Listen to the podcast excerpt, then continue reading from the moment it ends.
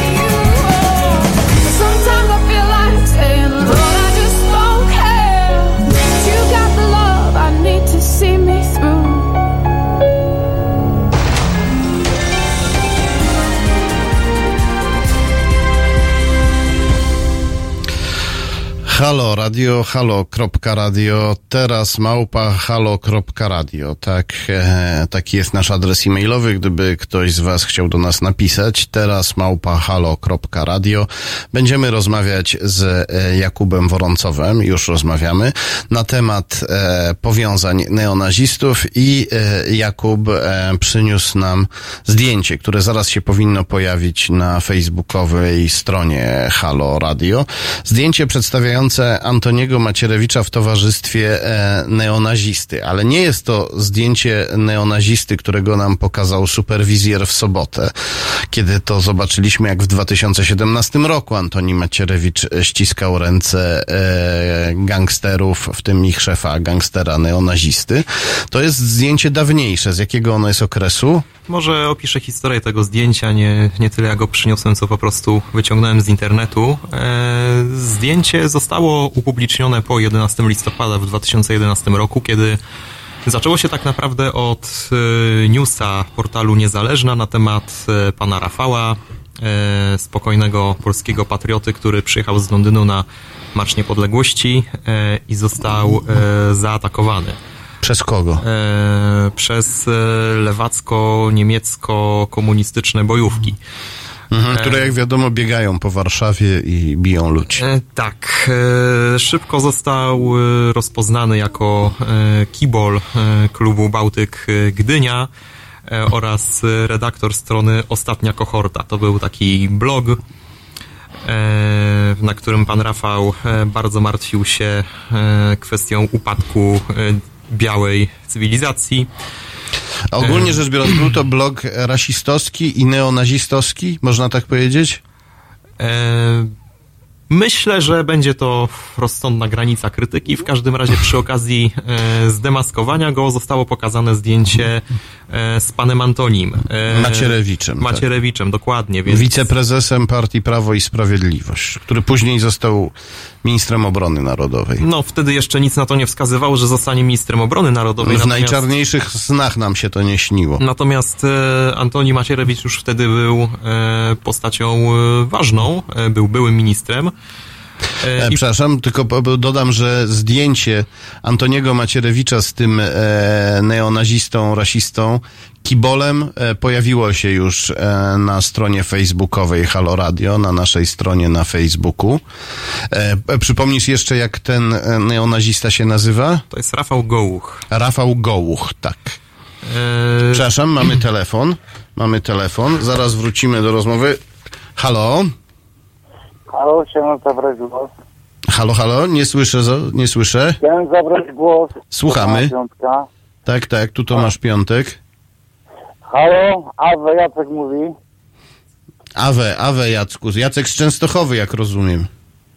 No tak, bo tu mieszkam, nie? Ale wychowałem się we Wrocławiu, także ponośnie e, chyba tych wszystkich powiązań i tych stałych sytuacji, że powiem, neonazistowskich, powiązań grup, e, jest to taki temat, jak sam wiesz, że się bardzo długo w punk rocku, że e, o- ocieram się o te rzeczy na koncertach, czy gdzieś e,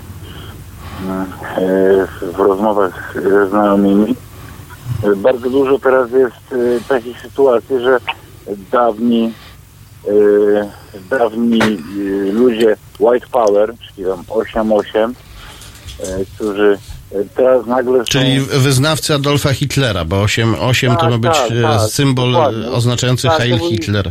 y, To byli skini, skini, y, skini którzy, którzy nie byli tymi skinami, prawdziwymi skinami, tylko po prostu faszystowskie, faszystowskie ugrupowanie.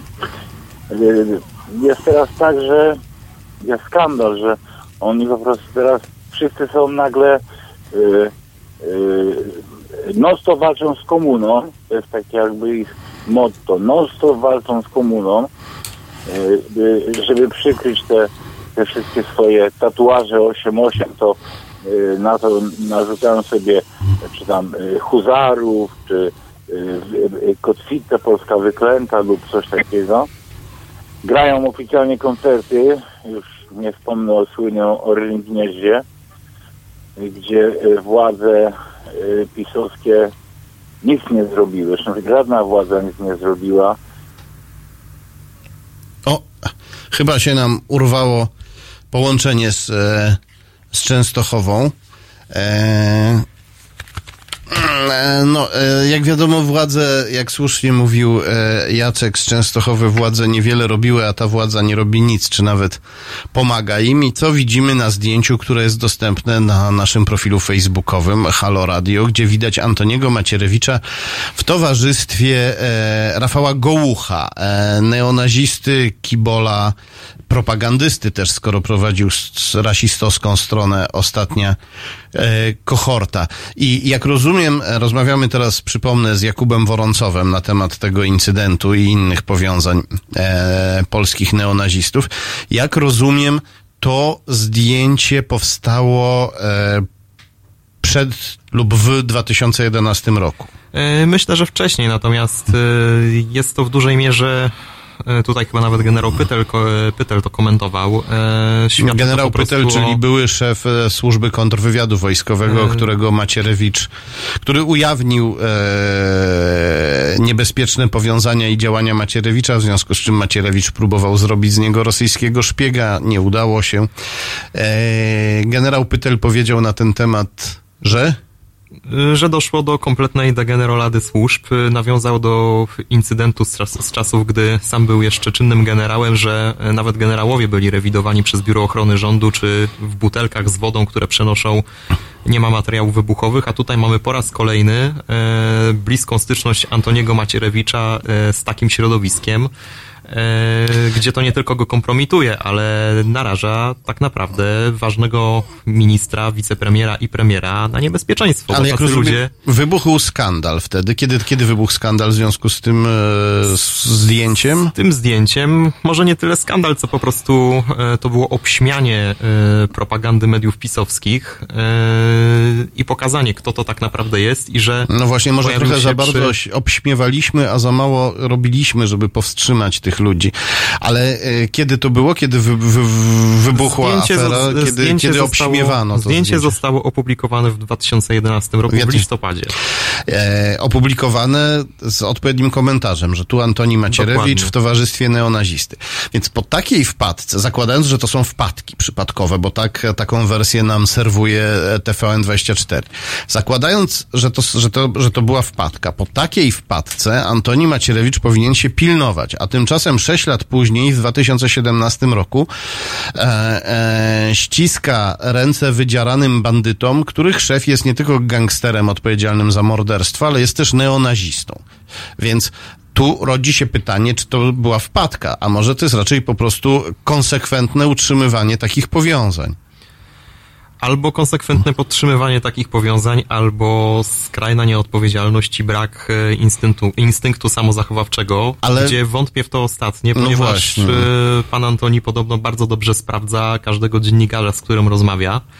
No, wielu dziennikarzy się o tym przekonało. Ma opinię szalenie podejrzliwego, E, więc trudno mi uwierzyć, e, żeby widząc takich ludzi e, nie podejrzewał, że są to jakieś typy spod ciemnej gwiazdy. No, albo na przykład przebrani lewacy, którzy za, zaraz wyciągną jakieś na przykład swastyki, żeby skompromitować patriotę Macierewicza.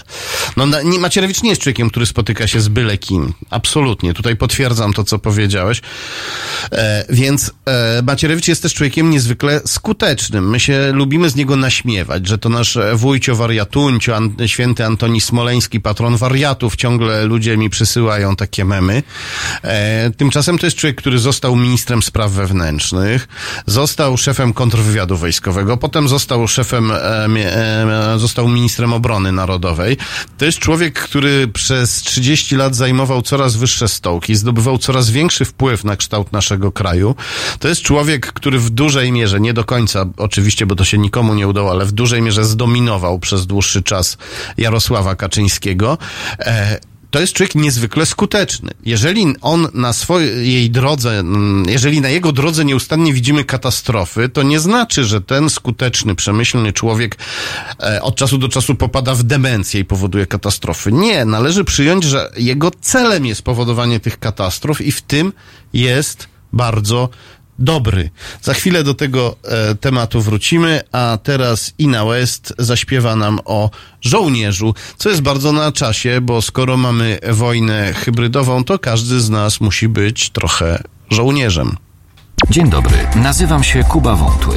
Jestem pomysłodawcą projektu Haloradia, pierwszego w Polsce w pełni profesjonalnego medium dla obywateli. Dla niektórych z Państwa jestem też ojcem dyrektorem, chyba dlatego, że czasami udzielam się w naszych programach nagle i z zaskoczenia.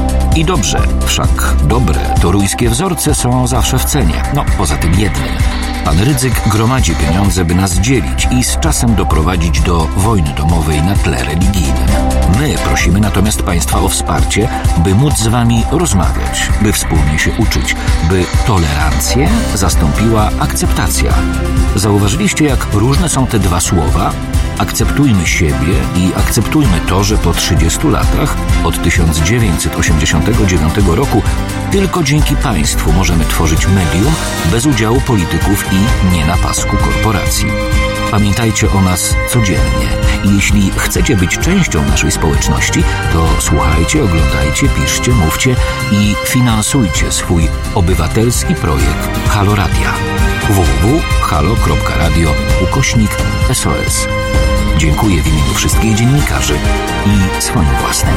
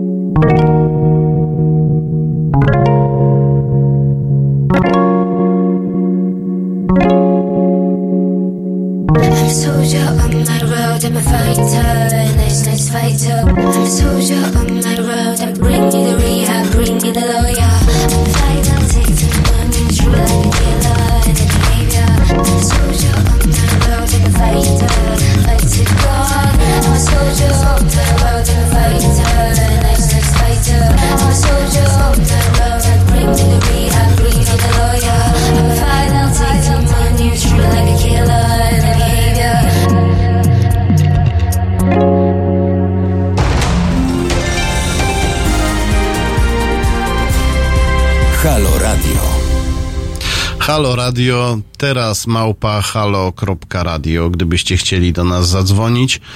E, Tomasz Piątek, e, rozmawiamy z Jakubem Woroncowem na temat e, neonazistowskich e, znajomości Antoniego Macierewicza. E, mm, Superwizjer, e, czyli program reportażowy, reporterski TVN24, stacji TVN24, pokazał w sobotę, jak Antoni Macierewicz e, wita się z e, grupą gangsterów, z grupą gangsterów, której przewodzi Olgierd L., gangster neonazista, odpowiedzialny między innymi za morderstwo. I chciałem cię zapytać, Czy ci gangsterzy pod przewodnictwem neonazisty, czy oni e, są po prostu sobie gangsterami, robią, uprawiają gangsterską działalność i akurat mają szefa neonazistę, czy oni się też w jakąś neonazistowską czy nacjonalistyczną działalność angażują, czy oni na przykład e, chodzą na Marsz Niepodległości?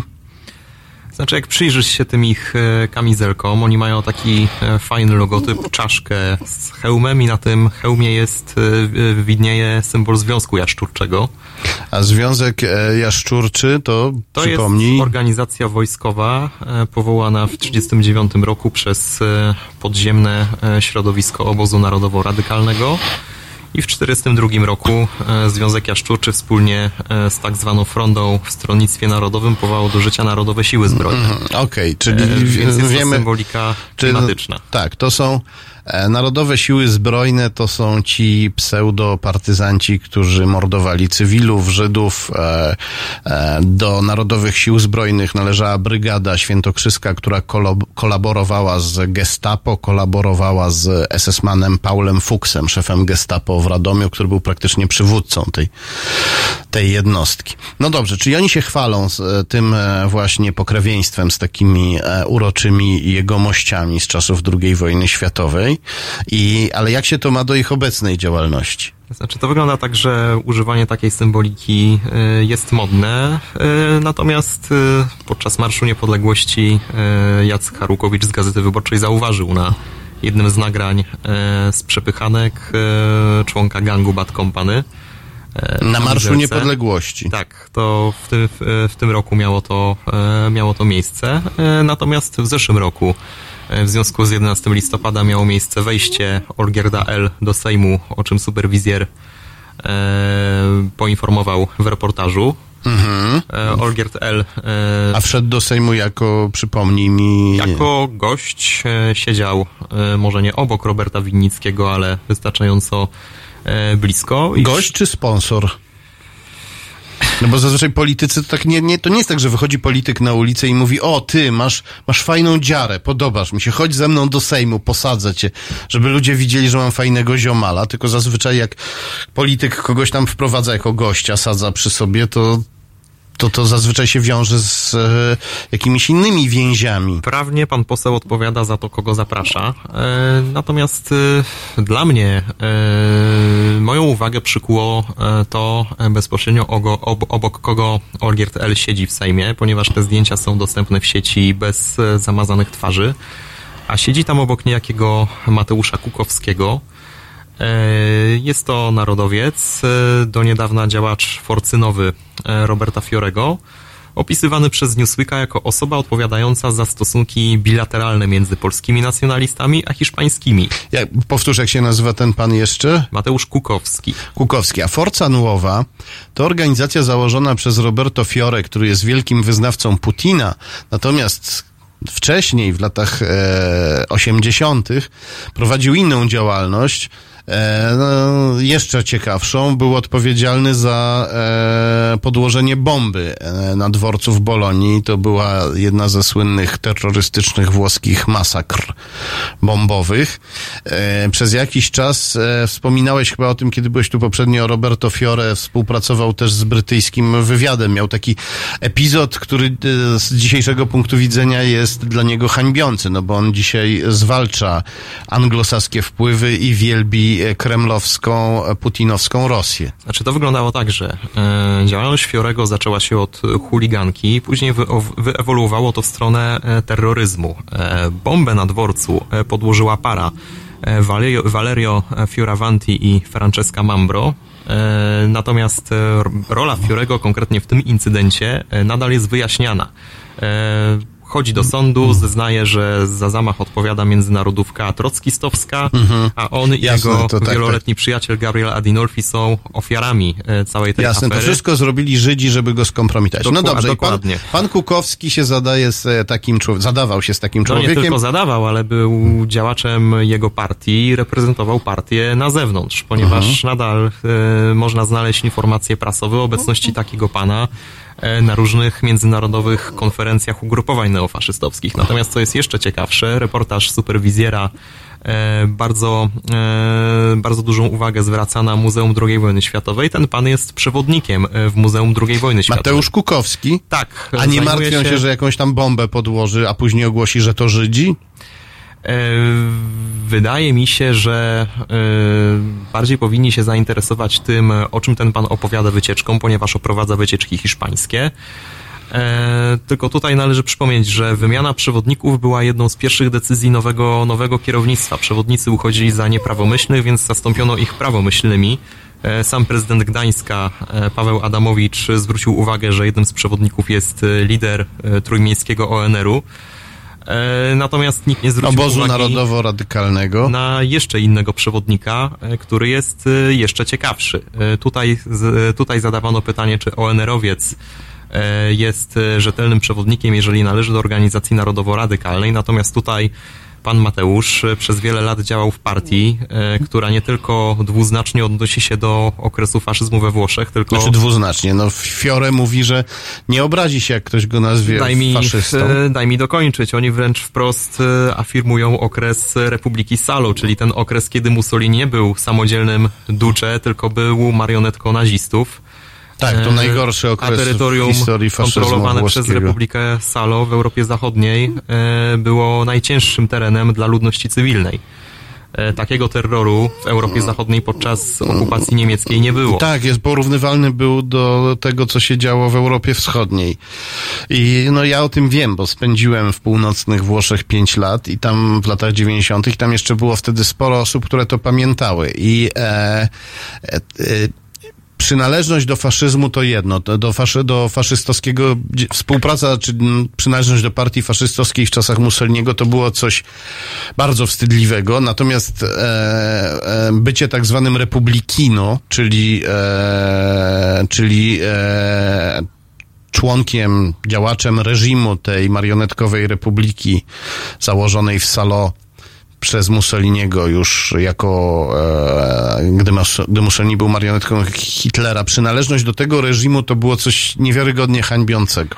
E, Znaczy tutaj jeszcze warto przypomnieć, że wielu, że zdarzały się przypadki, gdy funkcjonariusze reżimu faszystowskiego od 1943 z bronią, z bronią w ręku walczyli przeciwko Republice Salo.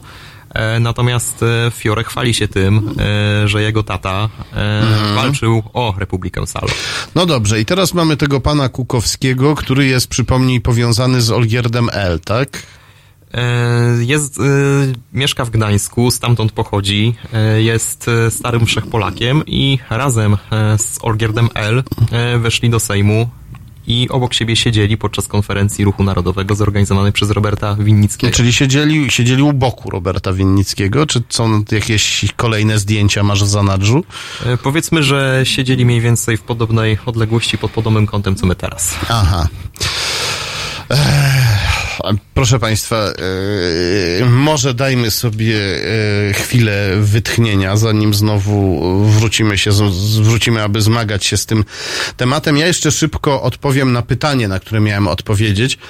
Na pytanie, dlaczego politycy e, opozycji nie e, korzystają z informacji ujawnionych i udokumentowanych w moich książkach, w książce Grzegorza Rzeczkowskiego pod tytułem Obcym alfabetem, jak ludzie Kremla i PiS zagrali pod słuchami, czy też na, na przykład w publikacjach Jakuba Woroncowa, który tutaj siedzi i też pisze o kompromitujących powiązaniach PiS. E, ja odbyłem wiele rozmów z, e, z przedstawicielami opozycji i centrowej, i lewicowej. Oni mnie o różne rzeczy pytali, e, po czym wzdychali i mówili, że to są wszystko bardzo niebezpieczne rzeczy, to co my odkrywamy, że to jest wszystko prawda, ale że to jest e, bardzo trudno jest ludziom o tym powiedzieć, bo to jest zbyt skomplikowane. Bo jakże to PiS taki antyrosyjski miałby być powiązany z Rosją? No ludzie tego nie zrozumieją.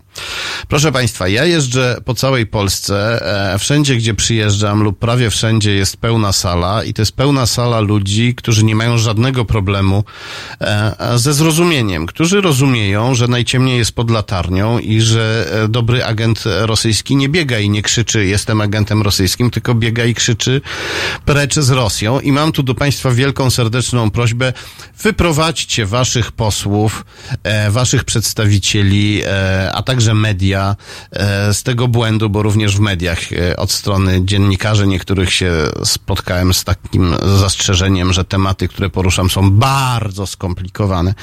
Wyprowadźcie ich z błędu, piszcie do Waszych posłów, piszcie do e, redakcji, domagajcie się od nich, żeby się tym tematem zajęli, piszcie do nich i piszcie, że rozumiecie.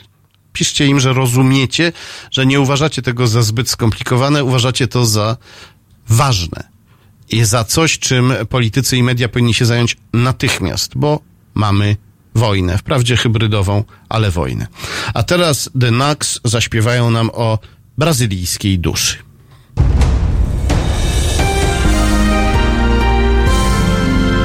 Jutro. Między 19 a 21 reżyser i aktywista obywatelski Bart Staszewski oraz cała gama tematów pod hasłem Prawa osób LGBT. 19.21. www.halo.radio. Słuchaj na żywo, a potem z podcastów.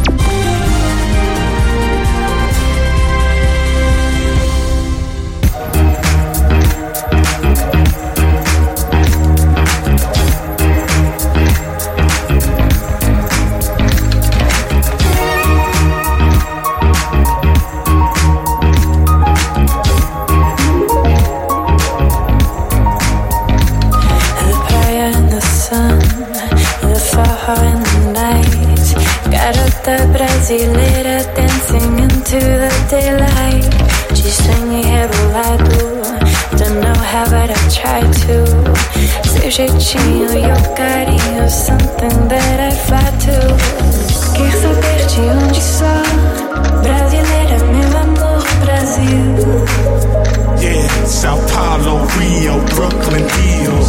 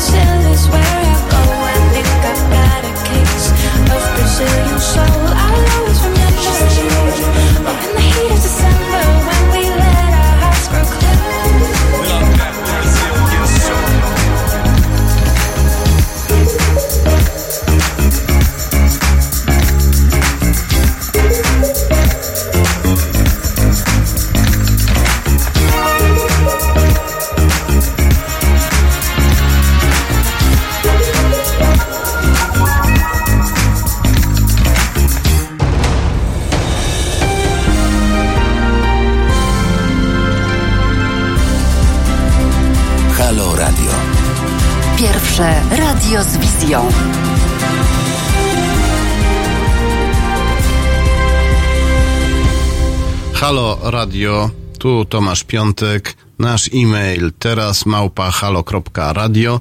Rozmawiamy z Jakubem Woroncowem o powiązaniach e, neonazistów. E, wspominaliśmy wcześniej o terroryzmie. Chciałem Cię zapytać o osoby zatrzymane podczas Marszu Niepodległości w Warszawie, tak zwanego Marszu Niepodległości. Słyszałem, że tam były jakieś zatrzymania mm, osób podejrzanych o e, działania, działania terrorystyczne w trakcie marszu? Mm, Zostały dwie, z, e, zaczęło się od tak zwanej tajemniczej akcji na Włochach, e, gdzie e, dokonano przeszukania w domu osoby podejrzewanej o chęć organizowania zamachów. E, celem tutaj miały być e, centra muzułmańskie. A we Włochach pod Warszawą, czy w dzielnicy Warszawy, jaką Tak. są Włochy. Tak, kiedyś Tak, to były dokładnie. Włochy pod Warszawą, teraz to jest dzielnica zresztą z całkiem zacną historią. E, Tutaj, tutaj Agencja Bezpieczeństwa Wewnętrznego była bardzo powściągliwa przed wydawaniem komunikatów, e, mimo że media już o sprawie pisały. E, No i można się domyśleć, że dlatego tego komunikatu nie wydawano, ponieważ za chwilę odbyło się kolejne, kolejne zatrzymanie w Szczecinie. Tam już zarekwirowano dość pokaźne ilości materiałów wybuchowych, broni. Czyli to taka miałaby być nasza nowa świecka tradycja. Świętujemy niepodległość wysadzając meczet. Nadal nie wiemy, kto to był, e, ale Mhm. widzieliśmy, e, co zostało zarekwirowane w Szczecinie. E, Dwie osoby to jeszcze nie grupa, ale wygląda na to, że e, była to zorganizowana próba e, zamachu. A czy wiadomo coś, czy oni mieli zamiar na przykład wysadzić ten meczet, kiedy on będzie pusty, tak, że tak powiem, symboliczna dewastacja budowlana, czy oni chcieli wysadzić ten meczet, kiedy on będzie pełen ludzi e, modlących się, mężczyzn, kobiet, dzieci? Przebrzmiewały teorie, że miał to być e, zamach porównywalny do zamachu Breivika. Tylko widzimy zdjęcia broni, Mhm. No. która tam została zarekwirowana, ale nie wiemy, czy jest to broń na amunicję ostrą, czy jest to broń e, czarnoprochowa. Albo oni chcieli też sobie postrzelać, nie tylko wysadzić w powietrze. No nie wiemy, czy chcieli akurat tam postrzelać. A. W Szczecinie na zdjęciach jest widoczna broń, tylko nadal nie wiemy, czy jest to broń na ostrą amunicję, czy jest to broń z przemytu, czy wykopana z ziemi. E, Szczerze mówiąc, nie jestem ekspertem od broni, więc nie jestem w stanie Mm, rozpoznać, co to jest. I kim byli ci, e, jeśli, jeśli wiesz na ten temat coś, kim, ki- kim byli ci ludzie, którzy chcieli takie fajerwerki na niepodległość, na Dzień Niepodległości nam zafundować? Nie wiemy, kto to jest. E, Były natomiast podejrzenia, że to może mieć związek z kolejnym zatrzymaniem. Został też za, najpierw przeszukany, a następnie zatrzymany Grzegorz Ci. Ci. Tak? Ci, dokładnie. Ci jak ćma. E, Albo ćwikła. albo ćwikła. E, uznawany za przywódcę prawicowych eks- ekstremistów. E, pierwszą osobą, która na ten temat napisała był Wojciech Wybranowski z Do Rzeczy.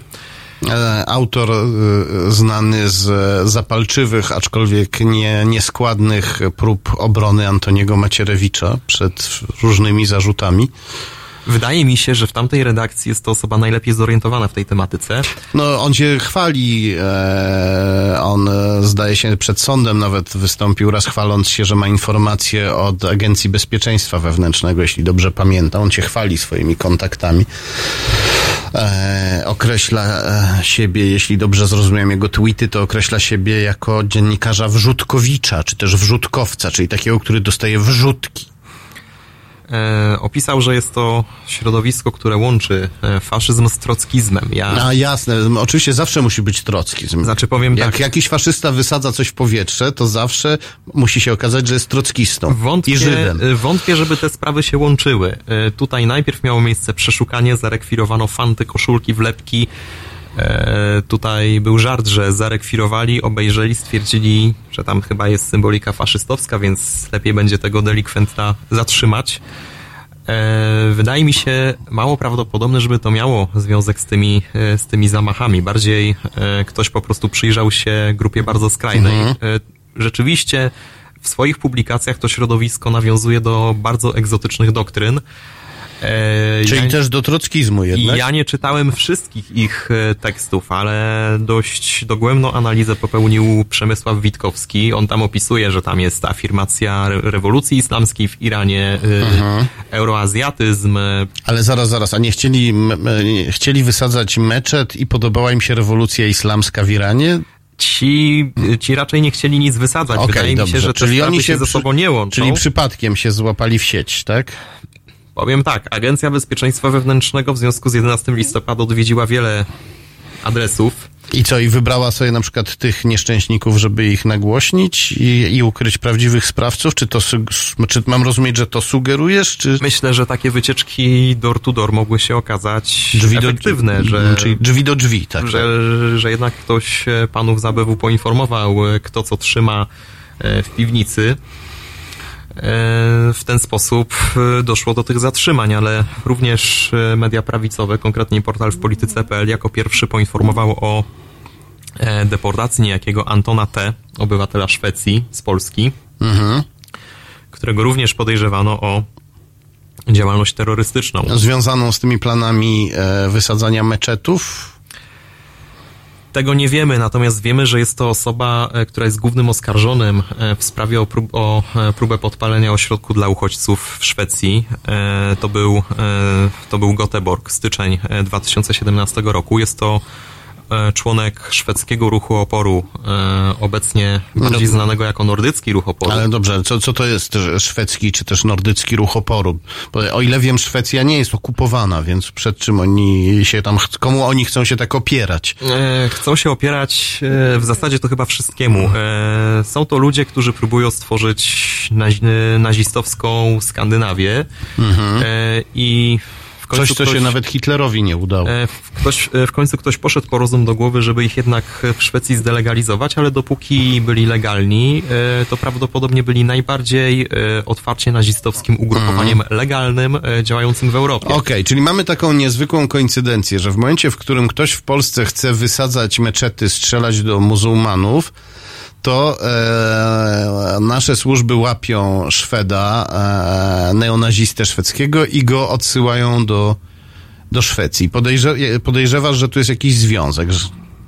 Chciałbym wierzyć, że e, ktoś rzeczywiście e, dobrze monitoruje e, kwestie naszego bezpieczeństwa i w odpowiednim momencie zajął się i grupą planującą zamachy, i e, niebezpiecznym Szwedem, i e, do tego prawicowymi, e, prawicowymi ekstremistami.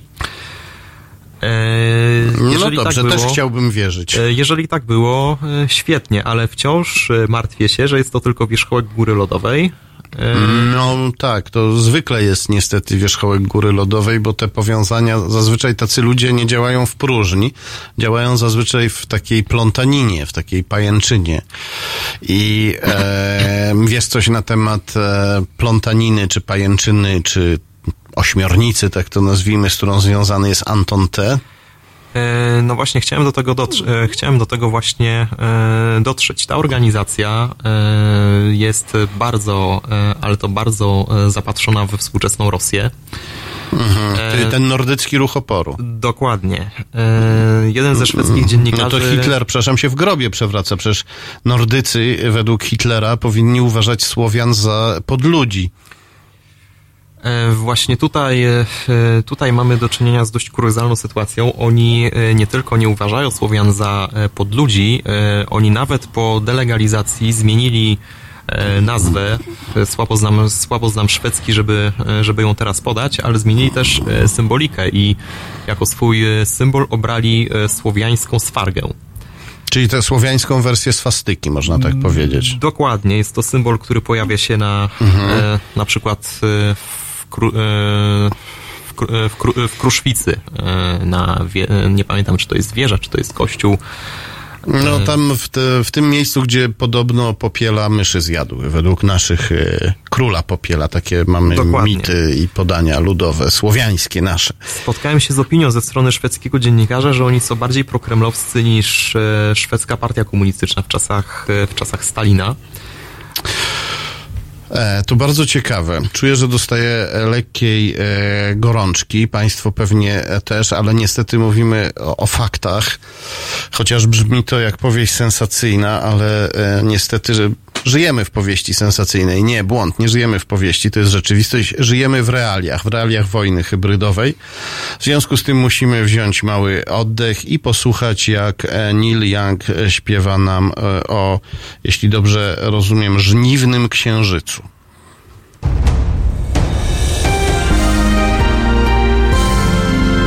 Jutro od 21 do 23 telefony od Państwa odbiera Radek Masłowski. Rozmowa, dialog, zrozumienie i żadnej agresji.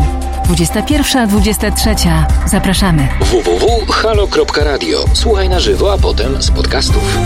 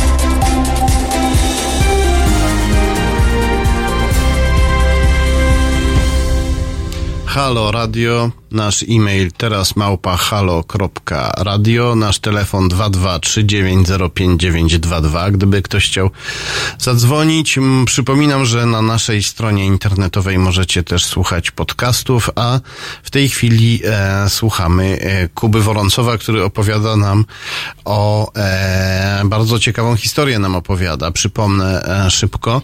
Otóż e, kiedy nasze służby e, specjalne zaczęły się kręcić po Polsce i szukać ludzi, którzy planowali zamachy terrorystyczne na muzułmanów, w ich ręce wpadł Anton T., Szwed, związany z tak zwanym nordyckim ruchem oporu, czyli ultrafaszystowską organizacją, która, ult, właśnie neonazistowską organizacją, która oprócz Hitlera wielbi też Putina i putinowską Rosję i czci swastykę w wersji słowiańskiej, więc to jest e, bardzo niezwykłe połączenie, ale być może nie aż tak niezwykłe ze względu na to, że Putin wspiera ruchy neonazistowskie w całej Europie. Co nam jeszcze e, możesz e, powiedzieć, bo przerwaliśmy tutaj e, na chwilę muzyki, kiedy byłeś w trakcie tej opowieści.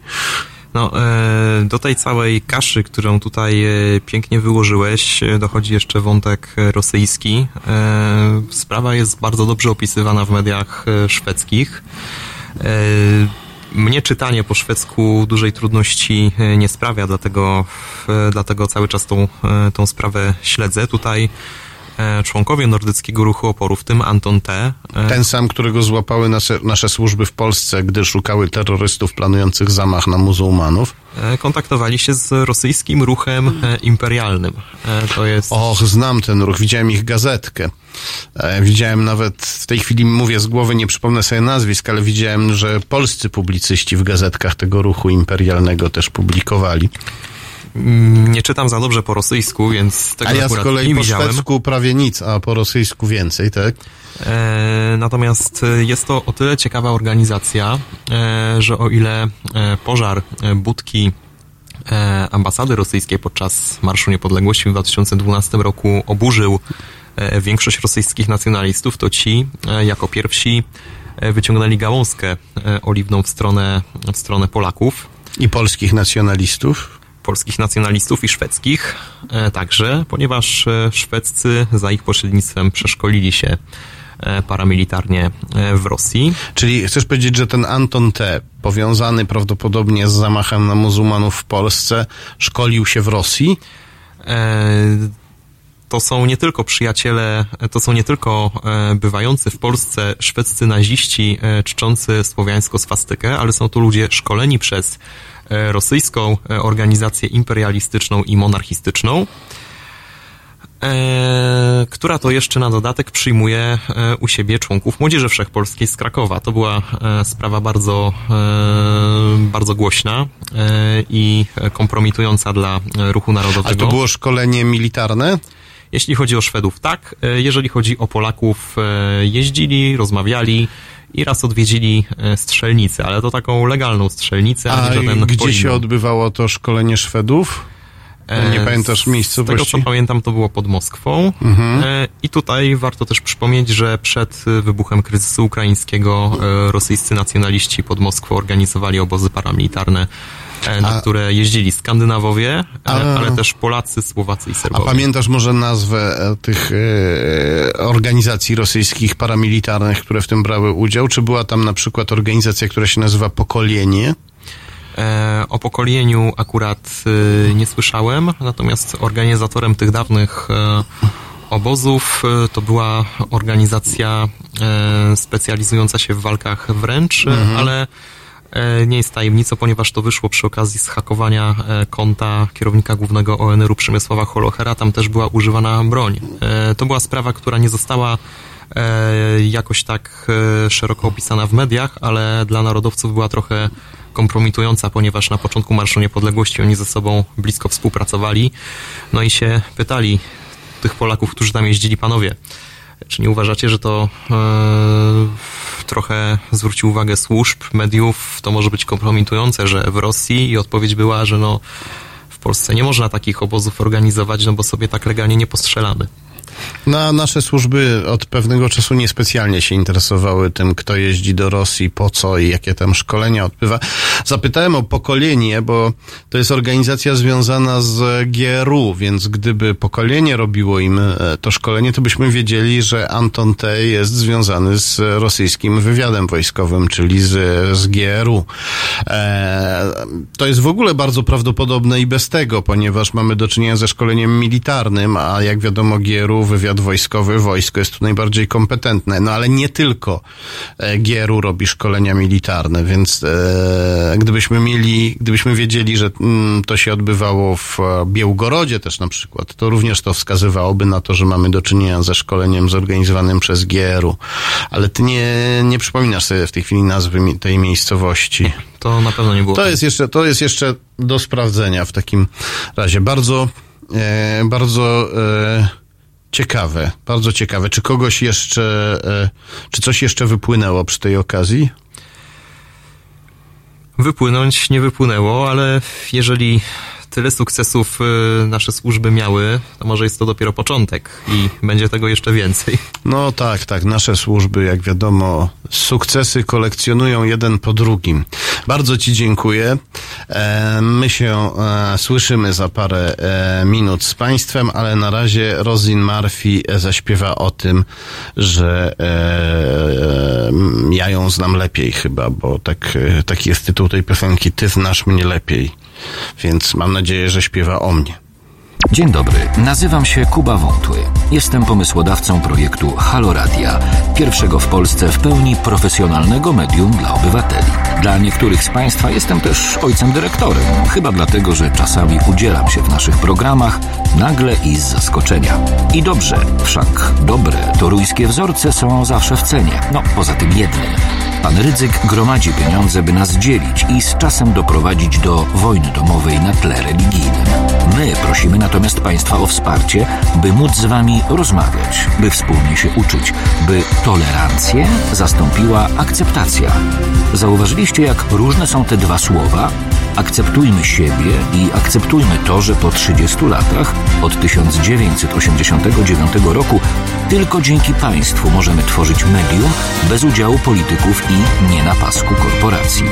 Pamiętajcie o nas codziennie i jeśli chcecie być częścią naszej społeczności, to słuchajcie, oglądajcie, piszcie, mówcie i finansujcie swój obywatelski projekt Halo Radia www.halo.radio ukośnik SOS. Dziękuję w imieniu wszystkich dziennikarzy i swoim własnym.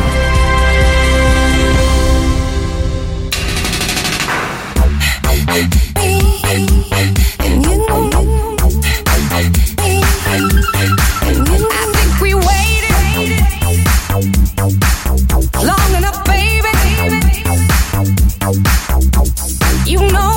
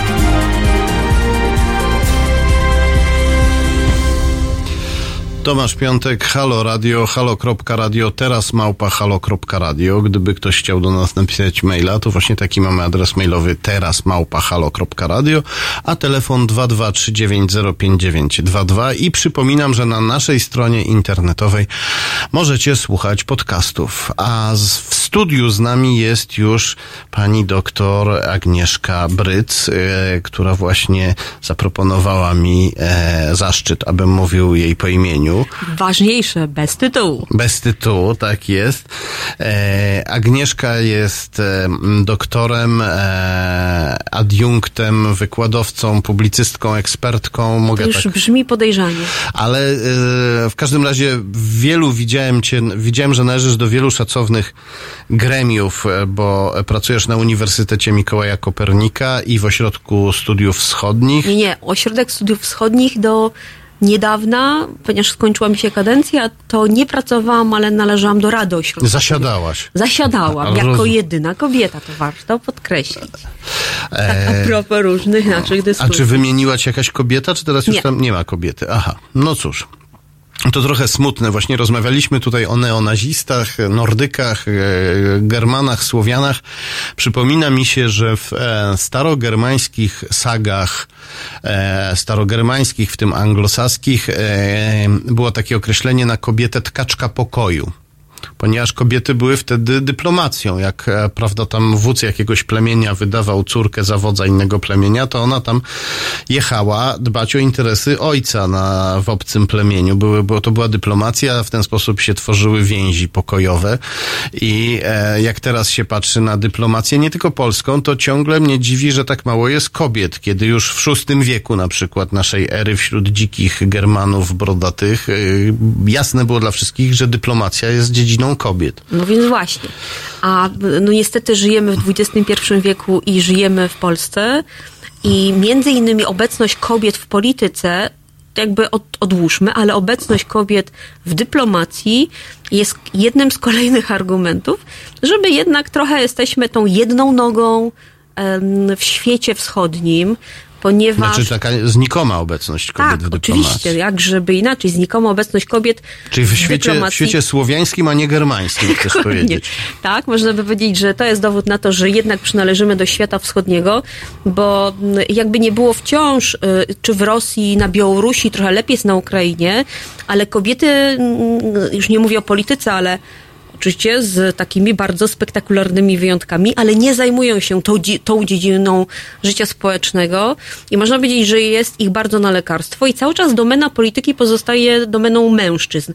Jeżeli my gdzieś przyglądamy się polityce wschodniej i ja czasem mam takie coraz bardziej wyraźne przebłyski tego, że my politycznie przypominamy wschód, to obecność kobiet w polityce i obecność kobiet w dyplomacji jest jednym z dowodów na to, że naprawdę mentalnie i sercem bliżej nas, nam e, niestety do świata wschodniego, czyli nie do No. standardów germańskich, jakby się chciało. czy też germańsko-romańskich, powiedzmy.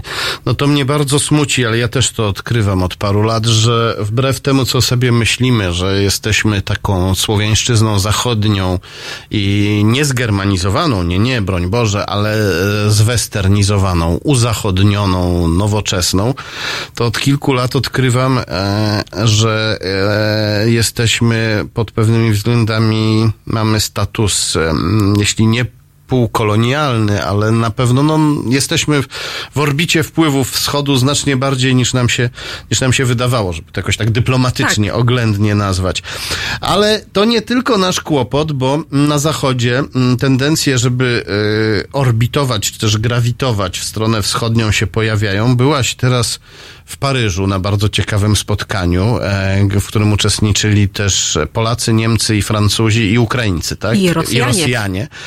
E, możesz powiedzieć więcej, co tam się działo? Oczywiście bardzo chętnie. Znaczy teraz wiemy, że m, to, co się dzieje w polityce międzynarodowej i w tej części świata, wszystko krąży wokół jednego, czyli wokół Rosji i wokół konfliktu e, w Donbasie i Ługańsku. I o ile mm, świat ukraiński zamiera, bo przed nimi naprawdę, można by powiedzieć, e, nad nimi wisi miecz Damoklesa, oni się boją, że za moment to będzie e, no, naprawdę na, nastąpi scenariusz, jeden z tych najbardziej pesymistycznych. E, Mm, Mówiąc niedyplomatycznie. Zaraz do tego przejdziemy, No. to będzie czarny scenariusz, naprawdę. Mhm. E, I nas także w Polsce to niepokoi, że zaczyna się, zaczynają się dziać takie podskórne ruchy, które my wyczuwamy, eksperci widzą, a społeczeństwo zaczyna jakby dostrzegać gdzieś cienie nad, nadchodzących zmian. I te cienie zmian to jest taki ja cały czas mówię pełzający reset y, y, z Rosją, czyli takie taka presja Zachodu, świata zachodniego, już nie mówię o Trumpie, bo on to robi spektakularnie i bez żadnych ceregieli, mało dyplomatycznie, wzywając do resetu z Rosją, ale coraz bardziej do tego przy, przyłącza się Zachód. I o tym właśnie rozmawialiśmy w Paryżu. To była konferencja z udziałem jakby formatu normandzkiego poszerzonego o Polskę. E, A omawia- format, normo, jesteś specjalistką to od stosunków międzynarodowych, więc musimy powiedzieć, reset z Rosją to jest jakby próba ponownego nawiązania normalnych, otwartych, e, przyjaznych stosunków dyplomatycznych z Rosją. Format normandzki to są tak- spotkania w formacie No właśnie, czterostronnym. To jest taki układ dyplomatyczny, jakkolwiek to brzmi, którym, w którym spotykają się strony zaangażowane bezpośrednio albo pośrednio w konflikt y, na Ukrainie, czyli, w wojnę rosyjsko-ukraińską. Czyli Nazwi- mamy... o, nazwijmy to po imieniu, bo to jest nazywajmy wojna. po imieniu, tak jest. Rosja, Ukraina. Tak jest. I do tego jeszcze mamy dwóch mediatorów europejskich, czyli Francja i Niemcy. E, zaproszono i coraz jakby widać bardziej potrzebę zaangażowania strony polskiej, ponieważ my byliśmy odsunięci od stolika negocjacyjnego, czyli ja nie chcę powiedzieć, że Polak zrobił swoje, Polak może odejść, ale my sami się odsunęliśmy swoją polityką od... od e, No nasza polityka jest skrajnie antyukraińska tak w mojej jest, ocenie. więc nie dziwmy się. Tak jest, no nie dziwmy się, że Ukraińcy nie chcieli, znaczy nie forsowali takiego pomysłu, żeby jeszcze dosiąść, tak, do, do, do, do, doprosić Polaków do tego stolika negocjacyjnego. I konferencja była zorganizowana głównie przez mm, partnerów francusko-niemieckich, głównie mm, powiedzmy na tym odcinku, bo jakby nie było, to znowu mogę trochę popłakać, że instytucje polskie, tym bardziej ukraińskie, nie mają nigdy pieniędzy, żeby zorganizować konsultacje eksperckie. Tutaj mm, tematem było właśnie były te dwie kwestie. Co dalej z Ukrainą i co dalej z resetem, czy z otwarciem świata zachodniego na Rosję. Ukraińcy mm, argumentowali, zresztą bili mm, w bęben trwogi, mówiąc zresztą bardzo słusznie, że to, co się dzieje na Ukrainie i w przełożeniu także na to, co się dzieje w, w Unii Europejskiej jest bardzo niepokojące. Bo w grudniu odbywać się będą, i to jest ten moment kluczowy, do którego wszyscy dążą, łącznie z Polakami, e, czyli cała Europa wstrzymuje oddech, bo w grudniu będą miały miejsce rozmowy właśnie w formacie normandzkim. Spotka się pierwszy raz prezydent Zeleński z prezydentem Putinem i to, co się dzisiaj odbywa, to są takie takie dogrywanie szczegółów, y, u, u, uzgadnianie, uzgadnianie takich pozycji w rozmowach, czyli to jest ten najgorętszy okres przed tym, e, k- kiedy ustalą strony, kto jest, y, Czyli wy, komu eksperci, też jesteście jakby y, dyplomatami w tym przypadku. Trochę, Trochę. ponieważ problem polega na tym, że jeżeli Europa Wschodnia i, I tutaj wszystkich zaniepokojonych polityką niemiecką mogę rozczarować, y, bo w sprawie rosyjskiej, oczywiście jest obiegowa opinia, że Niemcy są wciąż Russeverstehen, czyli są tacy Prorosyjscy, prorosyjscy, wyrozumiali. wyrozumiali w stosunku do. Rosji. No ja jeżdżę do Berlina od paru lat rozmawiać z ludźmi i w ogóle już tego nie No widzę. więc właśnie. e, Nie, nie, Niemcy próbowali być, ale się rozczarowali No bardzo. tak, i to jest bardzo widoczne. E, I to także widać było w Paryżu, że tymi, którzy cały czas patrzyli w sposób taki romantyczny na Rosję, to w tym gronie pozostali e, Francuzi. No właśnie, czy y, nie wiem, czy zdradzam w tej chwili jakąś tajemnicę, czy możesz o tym mówić, ale doszły mnie wieści, że pojawiła się tam e, przedstawicielka, nie wiem, czy formalna, czy nieformalna prezydenta Macrona Tak. na tym spotkaniu, która zaczęła mówić, że e, z Putinem się trzeba dogadać i że e, wspierając Putina wspieramy też społeczeństwo obywatelskie w Rosji, demokrację w Rosji. E, no jak wiemy, Putin w Rosji demokrację zadławił. E, czy, czy, czy, czy, czy ja teraz nadinterpretuję? Nie, nie, nie, ja zamilkłam wtedy. W zasadzie się zastanawiałam, czy, a może jednak nie zrozumiałam właściwie, o czym opowiada mm, e, ta ekspertka, w zasadzie jedna ze gdzieś tam osób z bliskiego kręgu prezydenta Macrona. I to, co powiedziałeś, to prawda. Znaczy, takie No. jest nie, nie tylko stanowisko jej, jej bliskich, czyli zbliżonych do prezydenta, ale w ogóle racja stanu państwa francuskiego, Republiki Francuskiej.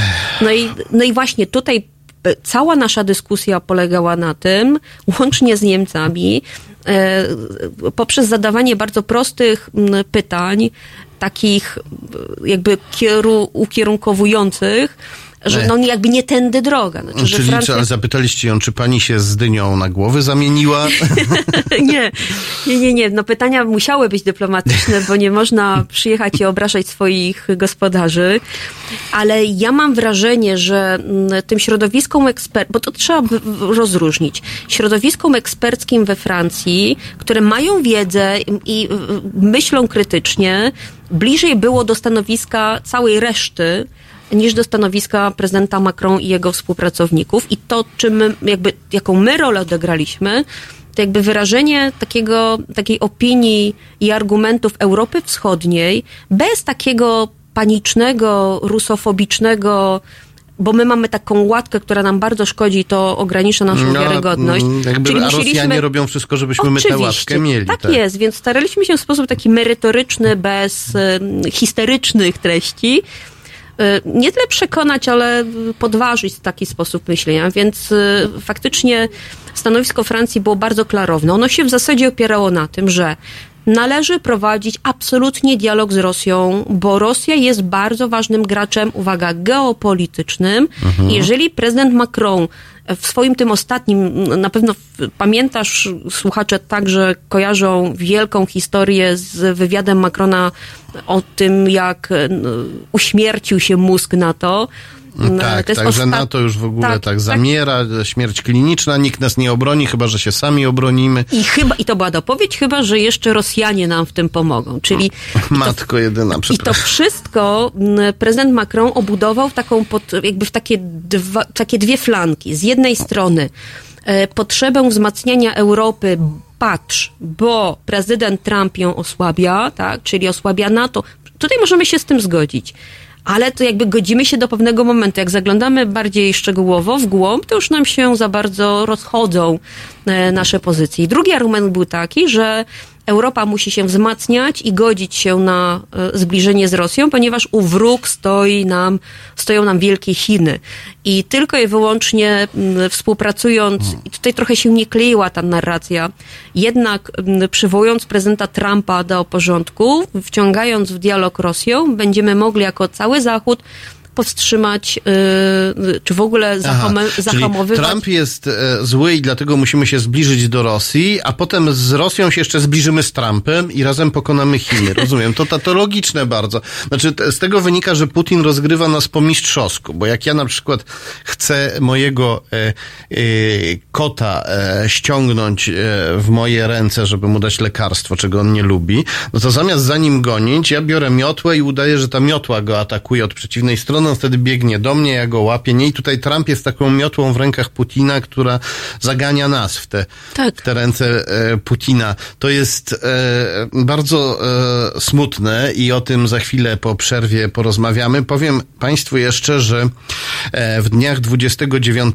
i 30 listopada na Uniwersytecie Warszawskim odbędą się warszawskie spotkania międzynarodowe Świat pod lupą, gdzie eksperci będą mówić o tych sprawach i będą mówić dyplomatycznie i niedyplomatycznie, ale będą o tym mówić w taki sposób, w jakim e, w naszych mediach się o tym niestety nie mówi, bo w naszych mediach e, jest taka iluzja, że my jesteśmy takim oddzielonym od świata za ściankiem, gdzie rządzi zły Kaczyński, a Putin jest gdzieś daleko, e, a Trump jest bardzo śmieszny albo bardzo nam przyjazny, ale też jest gdzieś daleko, a tak naprawdę my mamy tylko swoje własne problemy. To jest nieprawda. Świat jest jednością, Europa jest jednością, Rosja jest bardzo blisko, Niemcy i Francja są bardzo blisko, ich problemy to są nasze problemy i o tym będziemy e, też jeszcze za chwilę rozmawiać, ale najpierw Mura Masa zaśpiewa nam o robaczku świętojańskim.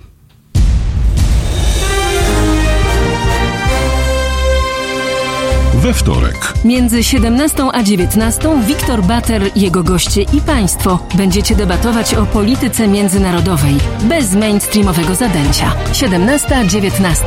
www.halo.radio. Słuchaj na żywo, a potem z podcastów.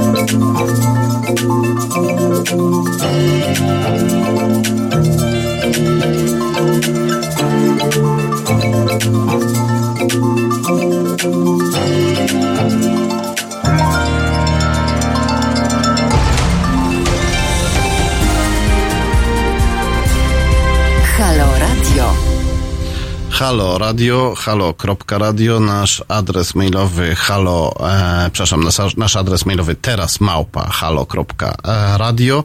Rozmawiamy z doktor Agnieszką Bryc, ekspertką od stosunków międzynarodowych. Chciałem cię zapytać, skąd się to Francuzom wzięło? E, mówiliśmy o tym, że Francuzi nagle teraz zapałali e, zachwytem, szczególnie francuski prezydent Macron zapałał zachwytem i e, przyjaznymi uczuciami wobec rosyjskiego dyktatora Władimira Putina i, i dlatego pytam, skąd się to wzięło? Jak można... To, to, to coś, co mu się wzięło, my nazywamy takim magicznym realizmem, bo prezydent Macron mówi o sobie, że czas wprowadzić realpolitik Czyli politykę realną, Realną, czyli opartą opartą na sile i interesach. To znaczy koniec y, złudzeń, koniec takiego... marzeń o rozszerzaniu demokracji. Na przykład, tak? Znaczy bierzemy to, co jest i, y, Mhm. po- I podchodzimy do Rosjanie, tego. ponieważ są Rosjanami, są skazani na tyranię, nie będziemy ich wyciągać z tej tyranii, mają się męczyć pod butem Putina, bo taki już ich rosyjski los. Ja to tak sobie tłumaczę tę politykę No, bo jesteś realną. bardzo, jesteś blisko sedna sprawy. Ale prez, czy te, ten taki realny, czy magiczny realizm, czyli różowe okulary w stosunku do Rosji, no, no, nie są niczym nowym, bo e, Francuzi, oni że zawsze jest tak, i my mamy też tego świadomość, że państwa te wielkie, które mają przeszłość imperialną, one zawsze mają większą skłonność do rozumienia siebie nawzajem niż e, jakby poszukiwania jakichś zmian. To jest jedno, czyli te tradycje imperialne, Wielka Francja, Wielka Rosja, te wyjątkowe kontakty historyczne. Dwa, m, Francuzi przyjęli m, białych imigrantów, czyli tych, którzy tak uciekali z Rosji wraz z wybuchem rewolucji bolszewickiej. To była ta piękna imigracja, no przecież e, arystokraci, tak? Oni wszyscy budowali wizerunek pięknej Rosji. I tak ten wizerunek troszeczkę pomimo trwania... No tak, a byli też komuniści, którzy Ale uważali, że jest piękna Rosja ale komunistyczna. trochę inna. Tak, Trochę- ale trochę- wszyscy kochali Rosję. Wszyscy kochali Rosję, potem mieliśmy przecież pewne elementy komunistyczne we Francji, które no jakby nie oddalały Francji od Rosji.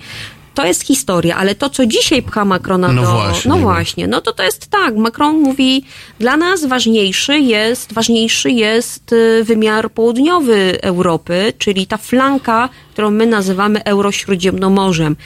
Czyli to, co się dzieje w, w państwach Magrebu, na Bliskim Wschodzie, Syria, Liban, były kolonie,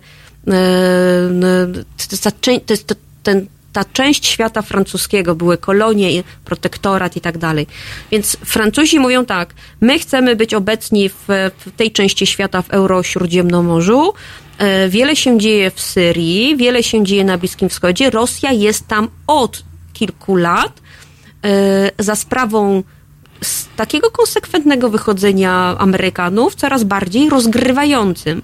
Więc my musimy być, być poprzez Bliski Wschód, blisko, e, blisko Rosji. To jest, e, to jest jeden Mhm, argument. Ale że, czy chodzi o to, że no ale Syria to jedno, ale czy Maroko to jednak zupełnie inny kawałek i- świata? tak. Czy, czy oni wierzą, że e, z odzyskanego przez Rosję Sewastopola wypłynie flota czarnomorska i zacznie strzelać do uchodźców na Morzu Śródziemnym, żeby piękną Nicę obronić przed zalewem muzułmanów, tych straszliwych muzułmanów, o których słyszymy od Prawda? paru lat? No więc właśnie, czy to, to, to kw- kwestia tego, żeby zbadać jednak takie wyczucie prawdziwego realizmu y, politycznego, który jest jednak odległy, jeżeli chodzi o podejście Macrona. On mówi o drugiej jeszcze kwestii, y, o kwestii takiej, że mm, trzeba budować geopolityczną, tak jak powiedziałam, Europę i tutaj potrzebna jest Rosja i jakby to jest temat zamknięty. To jest drugi argument. Trzeci argument, my wiemy, że y, prezydent Macron ma jednak trudną sytuację w swoim własnym kraju, no, czy jest duża opozycja w stosunku do niego. Jeżeli sobie weźmiemy pod uwagę, że to, co się działo z żółtymi kamizelkami, tak, znaczy to było często też nie tyle inspirowane, ale podsycane przez Rosjan. No Także tak, to, to, tam się pojawiali separatyści rosyjscy, tak. propaganda w internecie, francuskojęzyczna, ale wywodząca Tak. się z Rosji, podżegała ludzi. No więc właśnie. Czyli e, czy to znaczy, że Macron dostał od e, Putina propozycję nie do odrzucenia? Ja ci, jak- nie będziesz grzeczny i nie polubisz mnie, to ci spalę Paryż? Yy, Nawet to nie musiało tak być, bo Francuzi trochę wcześniej wyciągnęli podobny właśnie w tym tonie wniosek, ponieważ wtedy, kiedy się spotkała, spotkało przedstawicielstwo francuskie z dyplomatami rosyjskimi, zaczęto rozmawiać o dialogu z Rosją, to wówczas Rosjanie osłabili swoją to, to, to, tą swoją taką intensywną narrację w mediach internetowych odnośnie tego, jak dramatycznym ruchem są żółte kamizelki i jak bardzo państwo, znaczy jak, jak bardzo Republika Francuska jest w ruinie. Tak? Czyli Macron dostał sygnał taki.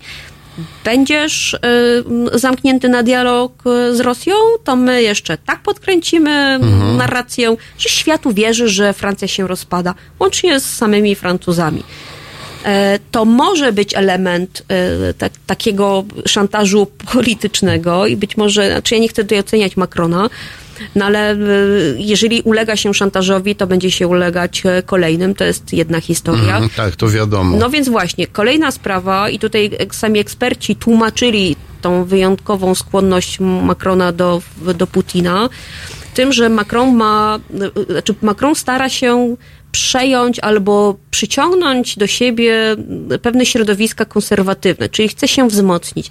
I te środowiska konserwatywne siłą rzeczy są otwarte na Rosję, są, znaczy chwalą używanie, znaczy w ogóle chwalą stosowanie siły w polityce, dla nich polityka jest taką emanacją, emanacją siły, więc on siłą rzeczy, chcąc ich przyciągnąć do siebie, musi być bardziej otwarty na Putina. No i ostatni argument, taki, który między innymi padł na tym naszym spotkaniu mm, w paryskim, że mm, dosyć wpływowym lobby mm, w środowisku Macrona są e, wojskowi i to oni podpowiadają, z kim właśnie w duchu realpolitik trzeba rozmawiać. Argument jest taki, Rosjanie mają broń jądrową, a nie jakieś takie kraje Europy Wschodniej czy Środkowej, więc e, siłą rzeczy trzeba się nastawiać wbrew małym na rozmowę e, z tymi wielkimi, bo świat jest dzisiaj coraz bardziej taki przypomin- przypominający koncert mocarstw z XIX wieku. No i z niektórymi argumentami można się zgodzić, ale, e, no, ale- mamy XXI wiek No tak, a poza tym, co to świat. za koncert mocarstw, w którym e, jedno mocarstwo ma nie tylko największą tubę, ale jeszcze podsuwa partytury innym mocarstwom, czyli mówię tu o Rosji, bo prezydent Trump e, od dawna zresztą, zanim jeszcze został prezydentem, sponsorowany przez dziwnych biznesmenów o mafijnych rosyjskich powiązaniach, robi to, co e, Putin chce. E, Wielka Brytania pod dyktando rosyjskich troli właśnie się wyszarpała z Europy i rozszarpuje się na części. E, Hiszpania też się próbuje rozszarpać na części, w co nie jest oczywiście od początku do końca dziełem Putina, ale on w tym e, bardzo pomaga. Teraz Francuzi oficjalnie wręcz stwierdzają, to my słuchamy teraz e, e, tego, co Rosja każe. To nie jest koncert mocarstw, to jest koncert jednego mocarstwa. Jak to możliwe, że taka potęga, jaką jeszcze do niedawna był Zachód, cywilizacyjna, polityczna, ekonomiczna, kulturalna, nagle słucha e, z takim zapałem... i dyktatorów. Wroga słucha, propagandy wroga. Bo dyktatorzy, wiadomo, z dyktatorami Zachód nieraz kolaborował. Tak. Mówiło się to sukinsyn, ale nasz sukinsyn. E, natomiast nie było tak, że, że, że, Zachód się im kłaniał i nie było tak, że kłaniał się dyktatorom wrogim. Mhm. Ja zawsze twierdzę, że nikt jako, my jako Zachód, że nikt nam krzywdy nie robi, my sobie sami ją robimy.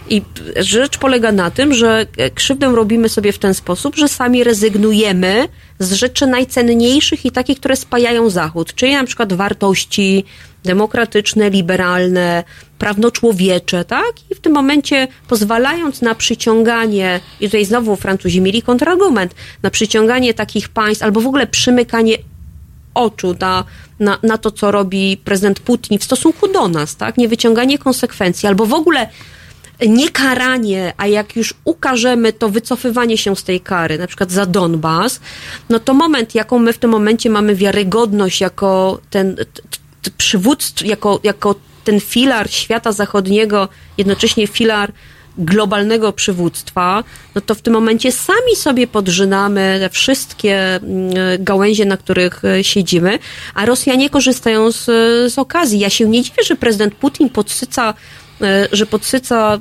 nie wiem, konflikty społeczne w Europie Zachodniej, że wykorzystuje te instrumenty, które e, biją w te miękkie miejsca Zachodu, robi to bardzo bezwzględnie. Bo my odsłaniamy Bo my miękkie. je odsłaniamy. Dlaczego my nie e, prowadzimy bardziej e, socjalnej polityki? I to nie tylko w kwestii rozdawania pieniędzy, ale polityki takiej polegającej na tym, że inwestujemy w społeczeństwo, żeby ono się harmonijnie rozwijało, żeby ludzie mieli szansę, bo masa Putin żeruje na frustracji ludzi. Tak, tak. Żeruje na frustracji, żeruje na. Ja to nazywam ubóstwem intelektualnym. Y, To czasem się łączy z lenistwem intelektualnym, ale to ubóstwo intelektualne mm, y, w znacznej części, bardzo wyraźne jest także w tej części wschodniej i środkowej Europy, polega na tym, że mm, ro, jakby decydując się, czy w ogóle wykorzystując wszystkie te fake newsy, trollingi, czy działalność w internecie, czy nawet wszystkie media społecznościowe, Putin wykorzystuje bardzo, a w zasadzie za sprawą swoich doradców, wykorzystuje bardzo proste elementy psychologiczne. No to, że nie czytamy, tylko kierujemy się nagłówkami, czytamy tylko lidy, a nie artykuły. Jeżeli czytamy artykuły, to krótkie, a nie długie. Tak? Chcemy mieć informacje na tu i teraz, więc to, co dostarczają Rosjanie, to dostarczają informację tą pierwszą, tą, która idzie, jest bardzo powielana. Ona jest zawsze w stylu takiej klasycznej propagandy szybka, biało-czarna, bardzo emocjonalna, pobudzająca i powtarzalna. E, I to się utrwala, więc e, jakby nie było. A czy nie moglibyśmy zakazać Facebooka na przykład? Oj, to chyba mielibyśmy jakąś rewolucję. No właśnie, prawda? bo potrzebujemy rewolucji kulturowej, medialnej, edukacyjnej, żeby to zatrzymać. E, na przykład gdybyśmy e, zakazali Facebooka i e, na przykład e, obudowali go e, takimi ścianami ognia, takimi e, robotami internetowymi, różnymi botami, które by praktycznie uniemożliwiały korzystanie z niego, to może po roku takiego bojkotu Mark Zuckerberg by stwierdził, że on jednak chyba nie, nie chce tak Putinowi iść na rękę, że Mhm. jednak utrata rynków europejskich go boli. Ja bym poszła, czy to jest dobry pomysł, ale ja sobie myślę, że to wszystko powinno być jednak podbudowane naprawdę zwykłą edukacją. Jeżeli my mamy społeczeństwo, które nie jest edukowane, które jest w swojej naiwności wierzy nie tylko w propagandę rosyjską, także wierzy w propagandę typowo polską, bardzo Tak, ideologiczną. Więc tutaj propaganda jedna czy druga nie ma znaczenia, bo Ale przypomina mi się minister Handke, który w latach 90. powiedział, że e, minister edukacji, który wprowadził reformę edukacji, on powiedział, że e, Polak ma znać polski na tyle, żeby umieć wypełnić formularz podatkowy i znać matematykę na tyle, żeby sobie ten e, podatek wyliczyć. I wprowadził testy zamiast wypracowań e, i od tej pory zaczęły rosnąć roczniki, które nie umieją przeczytać książki. Co więcej, nie potrafią czytać ze zrozumieniem. Co więcej, i to nie chcę tutaj przypominać, że jestem z UMK i, i zastrzegam, że to nie dotyczy moich studentów na UMK, chociaż tutaj mrugam okiem, że dotyczy to UMK, wszystkich. czyli Uniwersytet Mikołaja Kopernika w Toruniu. Y, y, y, Już tak mówiąc bardzo poważnie, to naprawdę dotyczy wszystkich studentów, nie tylko jednej czy drugiej uczelni. Mamy po prostu generację młodych ludzi, którzy nie nauczeni są czytania ze zrozumieniem, czyli nie potrafią myśleć krytycznie. Oni są nauczeni dos- dostawania informacji. Oni muszą mieć podaną informację na talerzu i przyjmują ją bezkrytycznie. To jest jedno. Z drugiej strony, nie dość, że nie potrafią myśleć krytycznie, to oni jeszcze nie, nie nauczeni są podejmować decyzji. Czekają, aż to druga strona, czyli ja, dziekan czy uniwersytet za nich zdecyduje. Jarosław I to jest Kaczyński, Władimir Putin i tak dokładnie. I to jest przygotowywanie tych pokoleń, które nie będą przyzwyczajone, nie będą nawykłe do życia czy w ogóle funkcjonowania w świecie demokratycznym. To są młodzi przygotowani do pracy w korpo, czyli takiej niewolniczej, zadaniowej, do życia w społeczeństwie z totalir, znaczy takim, nie chcę powiedzieć totalnym, ale autokratycznym zdecydowanie. Więc my naprawdę pracujemy sami też na to, bez przywiązywania uwagi do poziomu edukacji, do tego, żeby tą edukację jednak otwierać, a nie opierać o testy. E, Jeżeli nie będziemy mieli społeczeństwa oświece, znaczy takiego oświeconego, ten Mhm. oświecenie ciągle jednak no jest tą do, właściwą drogą do przełamania tych wszystkich takich zapędów w wieków średnich. Proszę Państwa. E, Powiało grozą. Powiało grozą. Chwila przerwy. Przypomnę jeszcze tylko, że e, 29 i 30 listopada na Uniwersytecie Warszawskim odbędą się warszawskie spotkania międzynarodowe Świat pod lupą, gdzie e, eksperci będą mówić właśnie o tych zagadnieniach, o których mówimy. Odbędzie się tam też e, spotkanie e, e, pod tytułem Sojusz Kremla i Europejskiej Prawicy. E, To będzie e, 30 listopada w sali 303. Bardzo e, proszę sobie zapisać, jeśli ktoś jest zainteresowany. O godzinie 11.30 wystąpią Katarzyna Chimiak, Grzegorz Rzeczkowski, autor książki Obcym alfabetem, jak ludzie Kremla i PiS zagrali pod słuchami. Książki e, szokującej książki, dzięki której wiemy, że Kaczyński rządzi z łaski Putina. Książki składającej się z samych twardych dowodów, napisanej przez dziennikarza śledczego najpoważniejszego tygodnika w Polsce, tygodnika Polityka. Książki kompletnie przemilczanej przez media.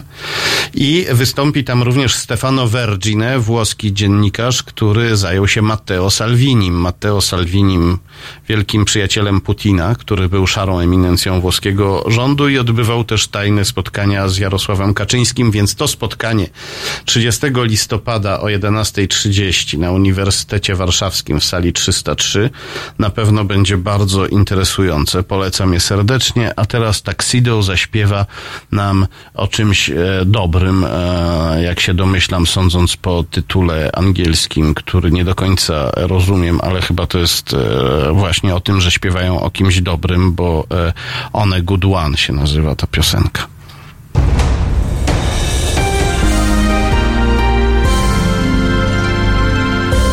Czwartek Od 23 do 1 potrwa Halo Noc, a w niej Armen Mechakian, psycholog i psychoterapeuta, wyłącznie do Waszej dyspozycji. Jeśli potrzebujesz słowa, my damy Ci słowo. Jeśli potrzebujesz wsparcia, to Armen poda Ci rękę. WW tego programu słuchaj wyłącznie na żywo.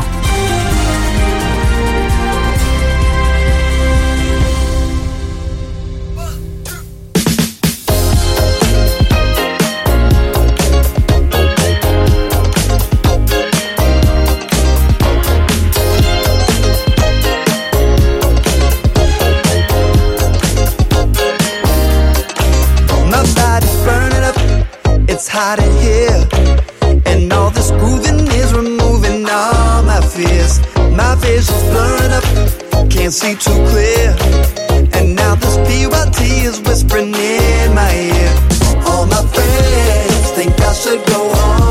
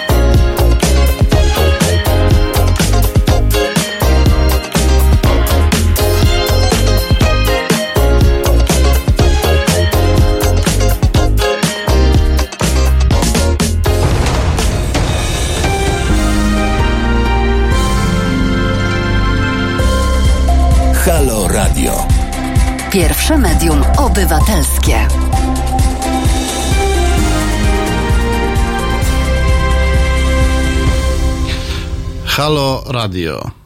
Jakby Państwo chcieli do nas napisać, to nasz adres mailowy teraz małpa halo.radio. Rozmawiamy z doktor Agnieszką Bryc z, in, z Instytutu, nie, czym z e, Uniwersytetu Mikołaja Kopernika w Toruniu. Przepraszam, gorączka mnie rozbiera dzisiaj, chyba się zaraz ze studia pojadę prosto do łóżka. E, ekspertką od e, stosunków międzynarodowych. Rozmawiamy o tym, e, że Rosja, e, Putin, Kreml właściwie, bo Rosja to wielki naród, wielkie społeczeństwo, wielka kultura. Kreml, czyli tyrania, która panuje w Rosji, że Kreml, rozmawiamy o tym, że Kreml wchodzi w nas, jakby to porównać, jak nóż w masło. W nas, czyli nie tylko w Polskę, ale też społeczeństwa Zachodu. Kroi nas, dzieli, robi z nami co, co chce. E, mówiliśmy tutaj, że potrzebna byłaby rewolucja społeczna, duchowa, edukacyjna, kulturowa, po to, żebyśmy byli w stanie się obronić przed, e, przed Kremlem, że powinniśmy zapomnieć o lenistwie, chciwości, powinniśmy się kształcić i kształcić nasze dzieci, aby czytały książki rozumiały to, co się dzieje. Ale jak to zrobić? Od czego tutaj wyjść? Ja myślę, że po pierwsze, przypomnieć sobie, co jest filarem i esencją świata zachodniego, czyli jeżeli raz powiedzieliśmy, że jesteśmy światem, tą wyspą demokracji, wyspą liberalizmu, wyspą, która ym, wspiera i promuje prawa człowieka, to nią bądźmy. Bądźmy konsekwentni. I jeżeli y, obciążyliśmy Rosję za aneksję Krymu i za wojnę w Donbasie i w Ługańsku sankcjami, to bądźmy konsekwentni. E, I nie puszczajmy oka, tak, pod wpływem własnych lobby biznesowych e, do Rosji, która liczy na to, że przetrzyma, jak już przetrzymała tych, tak, dzisiaj mamy 2019, przetrzymała już 5 lat, to już jest bliżej do tego resetu niż dalej, więc... e, Aha, czyli oni tak liczą, że co jaki, my coś sobie zagarniemy, rozwalimy, a potem Zachód i tak zrobi nam reset, więc... No więc właśnie. Mhm. I niestety tak to często było, bo podobnie był, nastąpił reset po wojnie w Gruzji. Wtedy byliśmy jeszcze bardziej naiwni, bo cała Europa była e, prorosyjska. Rosjanie wtedy wykazali się taką spolegliwością, czyli dokonali m, e, interwencji w Gruzji, a potem zaproponowali reset i bardzo chętnie chcieli rozmawiać z Mhm. Zachodem, a Zachód na to poszedł. W 2014 roku po Ukrainie było trochę gorzej, ale my Mhm. jesteśmy rozmiękczani, właśnie tacy trochę m, tacy mm, rozmiękczani jak to masło. Mhm, tak? że, tak, zaakceptujcie, że Ukraina jest moja, a dam Dokładnie. wam spokój. Co jest nieprawdą, bo potem będzie No chciał właśnie. Łotwę, a potem będzie chciał Białystok na przykład. Czemu nie? Ja jestem w stanie sobie wyobrazić, nie teraz, ale za pięć lat, czy za dziesięć, że nagle narodowcy zaczynają bić prawosławnych w Białymstoku, podpalają cerkwie, polska policja, jak to polska policja jest raczej bezradna i w tym momencie nagle Putin z Łukaszenką, czy ktokolwiek będzie rządził w Rosji na Białorusi, ogłosi, że oni tutaj muszą wejść wejść tak humanitarnie tylko, z taką humanitarną interwencyjką, żeby tych braci prawosławnych chronić i że jak cię uspokoi, to oni sobie pójdą, nie? Mhm. A potem wejdą i poczekają sobie na reset.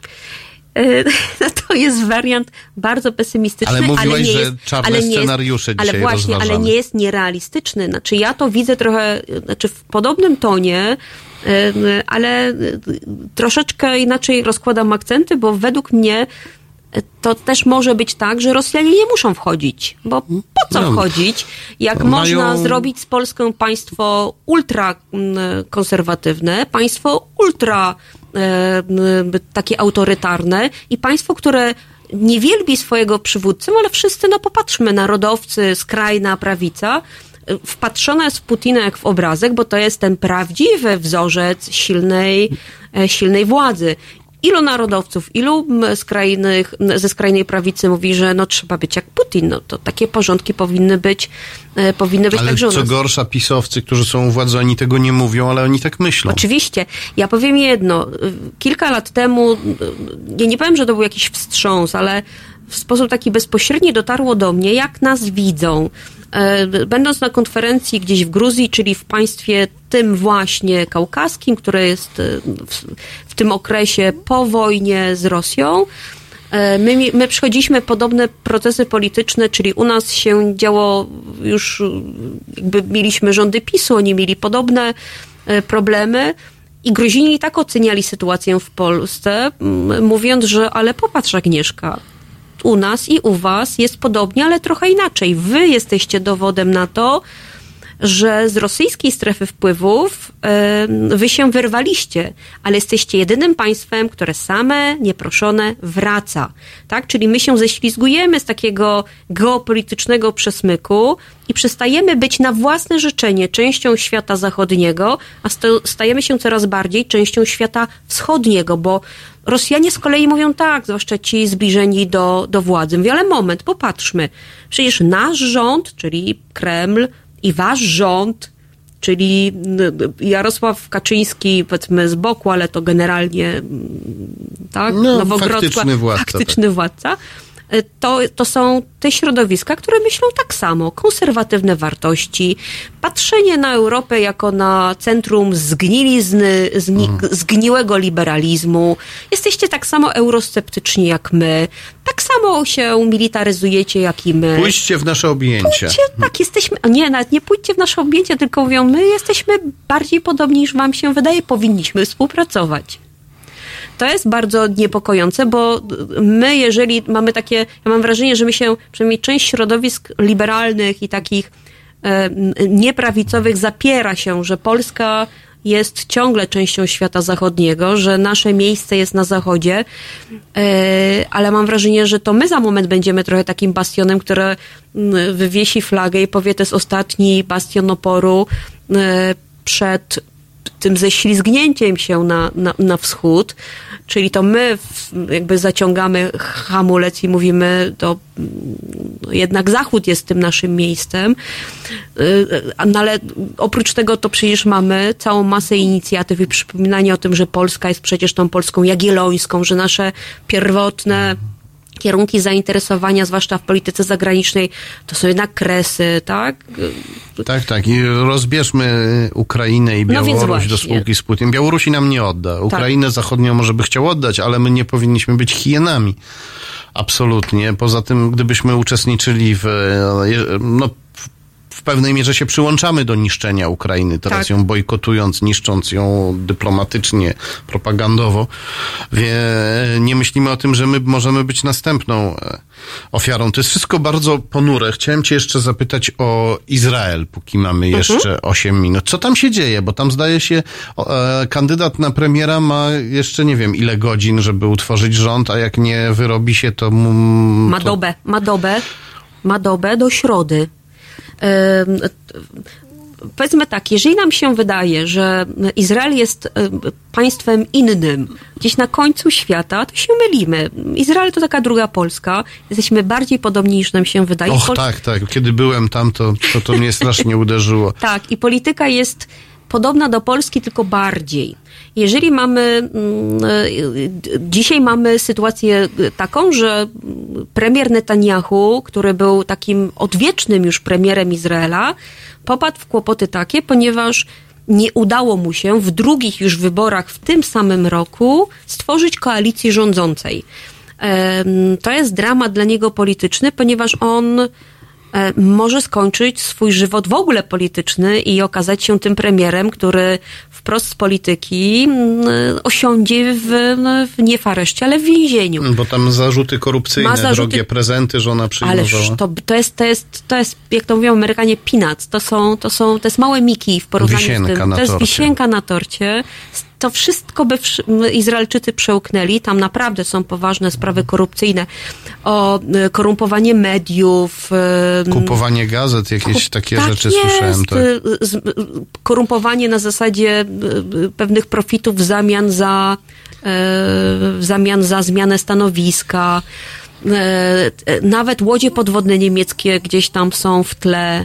Wielki biznes, wielkie pieniądze i naprawdę korupcja w takim dobrym wschodnioeuropejskim stylu. E, I pre, premier Netanyahu walczy o swoje życie, ponieważ ma szczęście, że Izrael jest taką, taką paradoksalną mieszanką. Z jednej strony państwo, w którym mamy wojskowych, wieczne interwencje, przecież Gaza dzisiaj, przecież strzelali się kilka dni temu w Gazie, a z drugiej strony mamy państwo też, które mm, określone jest mianem apartheidu, że nie, nie, nie, nie traktuje w sposób uczciwy swoich współobywateli arabskich, ale jednocześnie, i to jest chyba nadzieja dla Polaków, że jest to to państwo, którym pewne szczątkowe instytucje demokratyczne działają bardzo sprawnie. I jeżeli m, prokurator Mandelblit zapowiedział, że to już przesłuchania trwają, że postawi m, Bibiego w stan oskarżenia, to tak będzie. Bibiego Netanyahu. Bibiego, go- przepraszam, to znowu skrót tak, myślowy. Tak go nazywają czule Izraelczycy. Tak czule albo ironicznie. Albo ironicznie. I dzisiaj y, Netanyahu próbuje namówić swojego konkurenta, który dostał szansę na stworzenie od prezydenta Rywlina. Benego Gansa, tak? Tak, Benny Gantz to jest trochę taki y, Netanyahu, ale w wersji bardziej Light. light. Były wojskowe, jeśli dobrze były pamiętam. wojskowy. Zresztą on w swojej partii ma całą masę byłych wojskowych i to takich e, topowych. E, I okazuje się, że mamy naprawdę, tak jak Brexit w Wielkiej Brytanii, taki mamy swoisty Brexit e, w Izraelu, bo oni nie mogą utworzyć rządu, ani Bibi nie mógł utworzyć, miał na to miesiąc, ani teraz Benny Gantz nie może Brexit w utworzyć. sensie takiego ciągnącego się tasiemca, nie, tak że bez jest. żadnego I rozwiązania. ciągle impas. Tak, jest społeczeństwo O. podzielone na pół Ja i niewiele się zmieni. Kiedy tam byłem, to mm, słyszałem dużo o tym, że e, po, mówiono, że co miesiąc jakiś minister albo inny oficjel z rządu Netanyahu leci do Moskwy na Tak. konsultacje. To był rząd bardzo prorosyjski, albo może no, prorosyjski to pod pewnymi względami pro, prorosyjski, pod innymi względami robiący interesy Tak. z Rosjanami, bo to nie zawsze jest to samo, ale e, natomiast e, chciałem cię zapytać, jak e, pod tym względem mógłby wyglądać ewentualny rząd e, Benego Ganca, gdyby Dokładnie tak samo. A, Dokładnie tak samo. Wyobraźmy sobie, mamy ponad 8 milionów obywateli w Izraelu, z czego 75% to jest ludność żydowska, e, z czego półtora, przepraszam, tak, półtora miliona dzisiaj, niektórzy nawet wskazują na większą kwotę, to są Żydzi rosyjskojęzyczni. I prezydent Putin, ilekroć jest odwiedzany przez Bibiego, najczęściej przyjmuje Bibiego w Soczi, w tej takiej letniej rezydencji, którą sobie ukochał, i prezydent Putin lubi się pastwić nad Bibim, który jest w dużych kłopotach, a Putin wie, że poprzez Syrię to z nim trzeba rozmawiać dosyć poważnie, bo jakby nie było, to tak symbolicznie to trochę Izraelczycy graniczą dzisiaj z Rosją, więc czy ch- kochają Putina, czy nie, to nie ma znaczenia, muszą z nim rozmawiać. Putin się trochę pastwi, bo zawsze do Bibiego mówi, słuchaj, my tam mamy naszych półtora miliona, to są nasi bracia, więc Bibi, czy on chce, czy nie chce, on musi faktycznie e, rozmawiać, ale od tego miał swojego ministra, zresztą takiego mm, Żyda rosyjskojęzycznego imigranta z Mołdawii, bardzo prominentny polityk o e, bardzo barwnym życiorysie, mm, a osiągnął w Izraelu wiele, bo był nawet ministrem obrony, to jest Avigdor Lieberman, No tak, tak, który dopro- no właśnie, który doprowadził do w ogóle kryzysu koalicyjnego i który dzisiaj jest tym takim kingmakerem, bo A, kogo bo on poprze... języczkiem uwagi jest. Właśnie, tak. bo kogo poprze Lieberman, ten będzie w stanie stworzyć. A ja czytałem, nie, nie badałem dokładnie tej sprawy, ale przeczytałem, że Benny Gantz był e, prezesem e, firmy Fifth Dimension, której Tak. głównym inwestorem był Viktor Wexelberg, wielki rosyjski oligarcha. Niezwiązany, ale powiązany z mafią sącewską, z Michałem Friedmanem, pośrednio też z Mateuszem Morawieckim. Taki jeden z tych e, pająków robi nam się Putina. wielka rodzina. Tak, którzy te jego pająki oligarchiczne, ci oligarchowie, których on sobie podporządkował i przychołubił, rozciągają takie Tak. sieci wpływu na całą To Europę, prawda, cały świat. to prawda. To- To nie jest tajemnica w Izraelu. W Izraelu, do Izraela przybyło i dzisiaj mieszka przynajmniej kilku bardzo znanych, e, niektórzy Izraelczycy mówią, wyliczają, że to jest grupa 30 rosyjskich oligarchów. E, Część z nich, e, może raczej większość z nich nie mieszka na bieżąco, na, na stałe w Izraelu, bo oni preferują jednak Londyn. E, I zwykle to jest tak, że mają paszport rosyjski, mają paszport izraelski, który pozwala im, pomimo sankcji i pomimo, przecież Friedman jest obciążony, on jest na liście mm, sankcy, tej sankcyjnej, więc ma ograniczony wjazd e, czy do Stanów Zjednoczonych w Europie także, więc on wykorzystuje wtedy paszport swój izraelski. E, Natomiast w Izraelu no, mamy Abramowicza, który często bywa I oni stanowią, jak tylko przyjadą, to, to, to PKB izraelskie naprawdę mm. przelicznik idzie mocno w górę. Y, Mają tam może nie tyle duże wpływy, ale dla nich y, Izrael jest takim, takim, y, takim azylem trochę i ucieczką przed albo kłopotami w Rosji, albo kwestiami finansowymi, albo wprost takim właśnie wytrychem poszukiwania wjazdu wolnego do świata zachodniego. A jeżeli popadną w najpoważniejsze kłopoty, to wtedy rezygnują z paszportów tych pierwotnych, zostają tylko z izraelskim, mają pewność, że Izrael swoich obywateli nie wydaje. Nie wydaje. Tak, przećwiczył to również e, Polak Andrzej Gąsiorowski, o którym e, pewien e, bardzo człowiek bardzo zasłużony i dla Polski, i dla Izraela mówił mi, że to jest niezwykły przypadek, bo jak Gąsiorowski przy, przyleciał do Izraela, zaczął się właśnie zadawać z e, milionerami i miliarderami e, pochodzenia rosyjskiego, którzy tam są, a e, później zaczął się zadawać z Antonim Macierewiczem, moim ulubionym bohaterem. Mhm. I to jest temat na następną Tak rozmowę, jest. być może, bo teraz już musimy kończyć. Proszę Państwa, przypomnę jeszcze tylko em, 29-30 listopada warszawskie spotkania międzynarodowe Świat pod lupą na Uniwersytecie Warszawskim, gdzie o tematach międzynarodowych będą rozmawiać eksperci o tych sprawach, o których rozmawialiśmy tutaj i o których w gazetach, w internecie nie zawsze przeczytacie.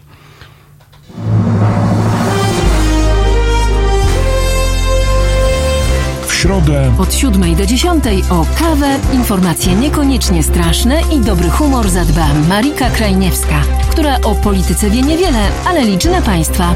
7.10. www.halo.radio. Słuchaj na żywo, a potem z podcastów.